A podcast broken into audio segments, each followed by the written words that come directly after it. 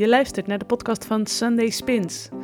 Ben je op zoek naar de ultieme droomfiets of wil je meer te weten komen over racefietsen en alles wat daarbij komt kijken? Mijn naam is Jorien en ik neem je heel graag mee. Ik kwam laatst een foto tegen in mijn digitale fotobibliotheek die gemaakt is voorafgaand aan de allereerste keer dat ik op de racefiets zat. En de foto is gemaakt voordat we vertrokken. Ik sta erop samen met mijn vriendje Thomas. En ik zie er enigszins bleu uit. Ik draag een uh, lange trainingsbroek waarin ik ook voetbalde. En ik draag een vliestrui en de helm zit iets wat scheef op mijn hoofd. En de foto die is gemaakt op uh, 30 december 2006. De locatie is Bedouin uh, in de Provence in Zuid-Frankrijk. In deze eerste podcast neem ik je heel graag mee naar mijn eigen geschiedenis met de racefiets en hoe dat zich heeft ontwikkeld tot de fietser die ik op dit moment ben. En daarvoor moeten we dus terug naar 30 december 2006.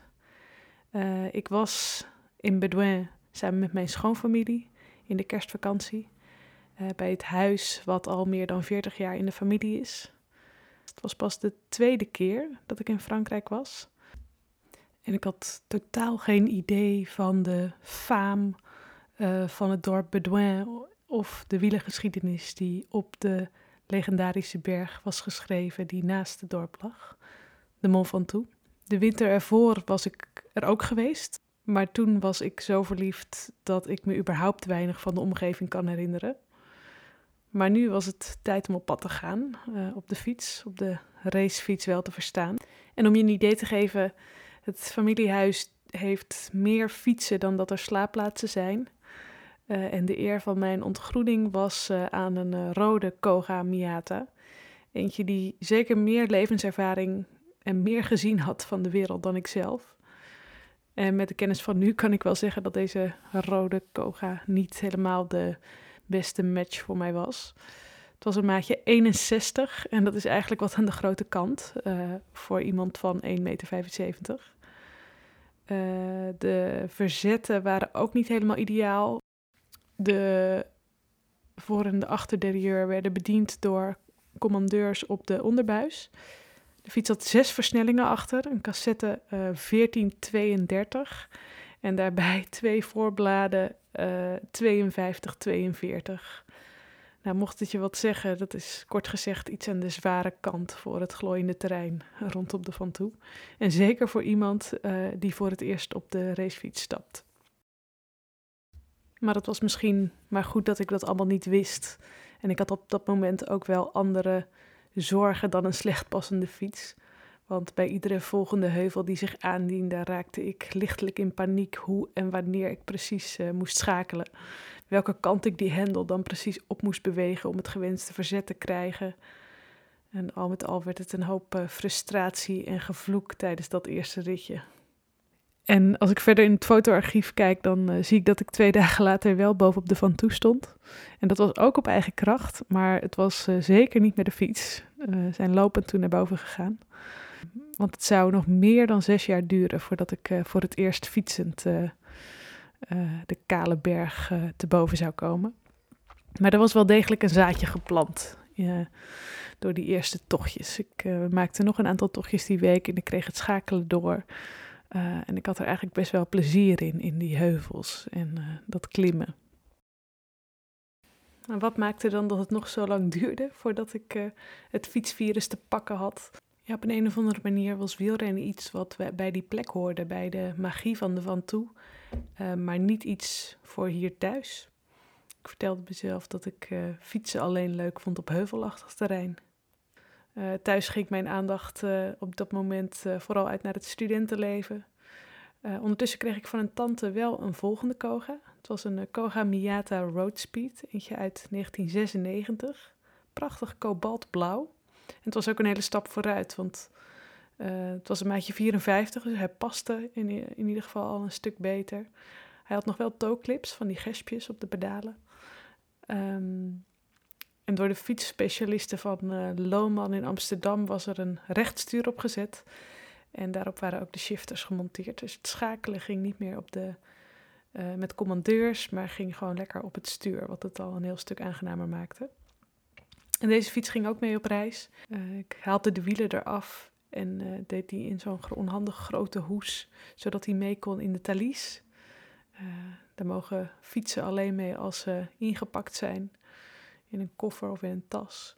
In Parijs pakte ik hem uit, want ik moest van het ene station naar het andere station. Dus ik zette de fiets weer in elkaar en ik fietste ermee uh, door Parijs, van het Gare du Nord naar het uh, Gare Saint-Lazare. Uh, ik was op weg naar Isigny-sur-Mer in Normandië, tussen de D-Day-stranden. En daar werkte ik een zomer op de receptie van een camping.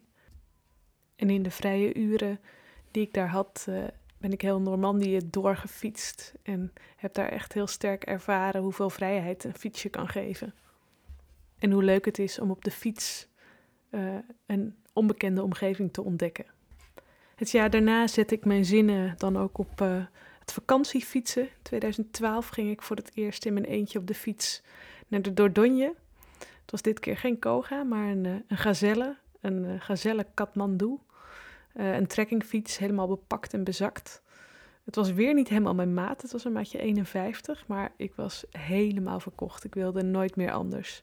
Het ultieme gevoel van vrijheid door uh, van huis te vertrekken, de tent en de kookspullen mee, het landschap langzaam te zien veranderen en twee weken later op eigen kracht aan te komen in een totaal andere wereld dat vakantiefietsen, dat uh, was het dus helemaal. En in 2013 fietste ik samen met Thomas in twee weken naar het familiehuis in Zuid-Frankrijk.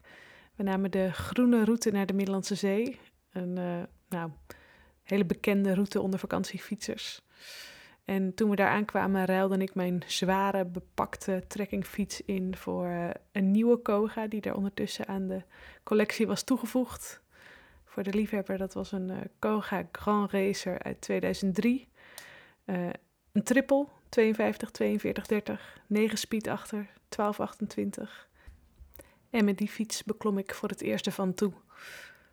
Ik kwam boven in 1 uur en 57 minuten en apen trots. Wat een kick was dat. Dat smaakte naar heel veel meer. En toen werd het 2015, kreeg ik mijn eerste baan met een eerste echte salaris. Uh, en een fietsenplan ook bij mijn werkgever. En daarvan uh, kocht ik dan ook mijn eerste racefiets voor in Nederland. Ik was verliefd geworden op een uh, mooie blauwe Cube. Cube Axial WLS Pro. En op de dag dat ik te horen kreeg dat ik mijn diploma van mijn master had gehaald, belde ik alle fietsenwinkels in en om Amsterdam om te horen of ze nog nog, e-, of ze er nog eentje hadden staan. En het was uh, Hans Struik, inmiddels failliet, maar toen nog een grote winkel bij de Rai. Uh, die nog één laatste maatje 56 had en uh, die ik kon bemachtigen. En wat bleek in het vlakke land is dat fietsen minstens zo leuk als in de Franse heuvels. Dus sindsdien fiets ik in en rond Amsterdam, ehm, soms alleen, soms nog met Thomas. Uh, maar daarnaast uh, fiets ik ook heel graag mee met vrouwenwielrennen, met de fietsbel van AC Olympia. En zo nu en dan, ja, het is alweer een tijdje geleden, maar uh, zo af en toe met de zondagse ritjes van Rafa. En waar ik in die eerste jaren dat ik mijn racefiets hier in Amsterdam had, heel veel heb gefietst en bijna al mijn vrije tijd aan het fietsen besteden, is dat de afgelopen jaren wel iets veranderd. In de tussentijd ben ik mama geworden van Oscar van op dit moment twee jaar en Kobus van negen maanden. en in het dagelijks leven werk ik ook nog aan een proefschrift aan de Universiteit Nijmegen. maar in de tijd die overblijft, rij ik nog altijd heel graag op mijn blauwe cube. En het idee voor Sunday Spins is ook ontstaan tijdens een van deze vele rondjes op de racefiets. Ik denk dat veel fietsers zich wel zullen herkennen in het feit dat het niet abnormaal is. Ook al ben je heel erg blij met de racefiets waar je op dit moment op fietst, dat je toch stiekem af en toe al droomt en kijkt naar een volgende racefiets. En dat is bij mij niet anders. Ik ben wat dat betreft een beetje een nerd op dat gebied. Maar elke keer als ik een potentiële nieuwe racefiets tegenkom, dan voeg ik deze toe aan mijn persoonlijke spreadsheet, waarin ik alle eigenschappen van de verschillende modellen onder elkaar zet. Uh, zodat ik ze allemaal met elkaar kan vergelijken. En uh, zo heb ik eigenlijk steeds meer geleerd over, uh, over de racefiets, over verschillende onderdelen. Totdat er ook vrienden begonnen te vragen of ik mee wilde gaan wanneer zij een nieuwe racefiets gingen kopen. Of ze vroegen advies over welk model ze zouden kiezen. En zo ontstond het idee voor Sunday Spins eigenlijk. Uh, want wat nou als ik behalve uit mijn eigen spreadsheet ook zou kunnen putten uit een database waarin alle racefietsen die op dit moment te krijgen zijn, uh, te vinden zijn, inclusief al die specificaties. Wat nou als ik mensen kan helpen bij de zoektocht naar hun ultieme droomfiets uh, met behulp van die database? En nou, dat moet ongeveer twee jaar geleden zijn geweest dat dat idee zich begon te vormen uh, in mijn hoofd. En nu is het zover. We zijn twee jaar verder, juni 2020. En Sunday Spins is ingeschreven bij de Kamer van Koophandel. er is een website. De database is klaar. dus er is al een hele reis afgelegd. Maar tegelijkertijd ook nog een enorme reis voor de boeg. Uh, en ik heb op dit moment ook nog geen idee waar dit uh, avontuur gaat eindigen. Uh, ik neem je graag mee, onder andere via deze podcast. Het is voor mij een mooie manier om alvast een start te maken met Sunday Spins. Want ik wil echt heel graag beginnen. Ik heb er heel veel zin in. Maar tegelijkertijd moet ik ook nog even een proefschrift afmaken de komende maanden. Dus Sunday Spins komt daar echt bij. En deze podcast zie ik als een uh, mooie manier waarop ik uh, mijn enthousiasme alvast uh, kwijt kan. En alvast kan beginnen voordat ik daadwerkelijk al mijn tijd eraan kan besteden. So start before you're ready. En bij deze zijn jullie dus een beetje mijn zogenaamde accountability partners. Een beetje een stok achter de deur om me uit te spreken, niet al mijn plannen voor mezelf te houden, maar alvast te beginnen en het ook daadwerkelijk de wereld in te brengen. En daarnaast zie ik deze podcast ook als een kans om me verder te ontwikkelen in, en verder te bekwamen in het vertellen van verhalen. De fiets en het wielrennen is bij uitstek een discipline die heel veel mooie verhalen oplevert. over het object zelf, over de racefiets natuurlijk, maar ook de verhalen die iedere rit die je maakt weer oplevert. en alle verhalen over alle ritten die we nog willen maken of gaan maken. En onderweg zou je dus zomaar eens een heleboel te weten kunnen komen over de racefiets, over de zoektocht naar de ideale fiets. En daarbij ook de zoektocht naar mijn eigen ideale fiets. Want ik heb mezelf beloofd dat bij het voltooien van mijn proefschrift uh, ik me een volgende racefiets cadeau mag doen. Dus ik ben er ook zelf op zoek en uh, nog lang niet uit uh, wat dat moet gaan worden.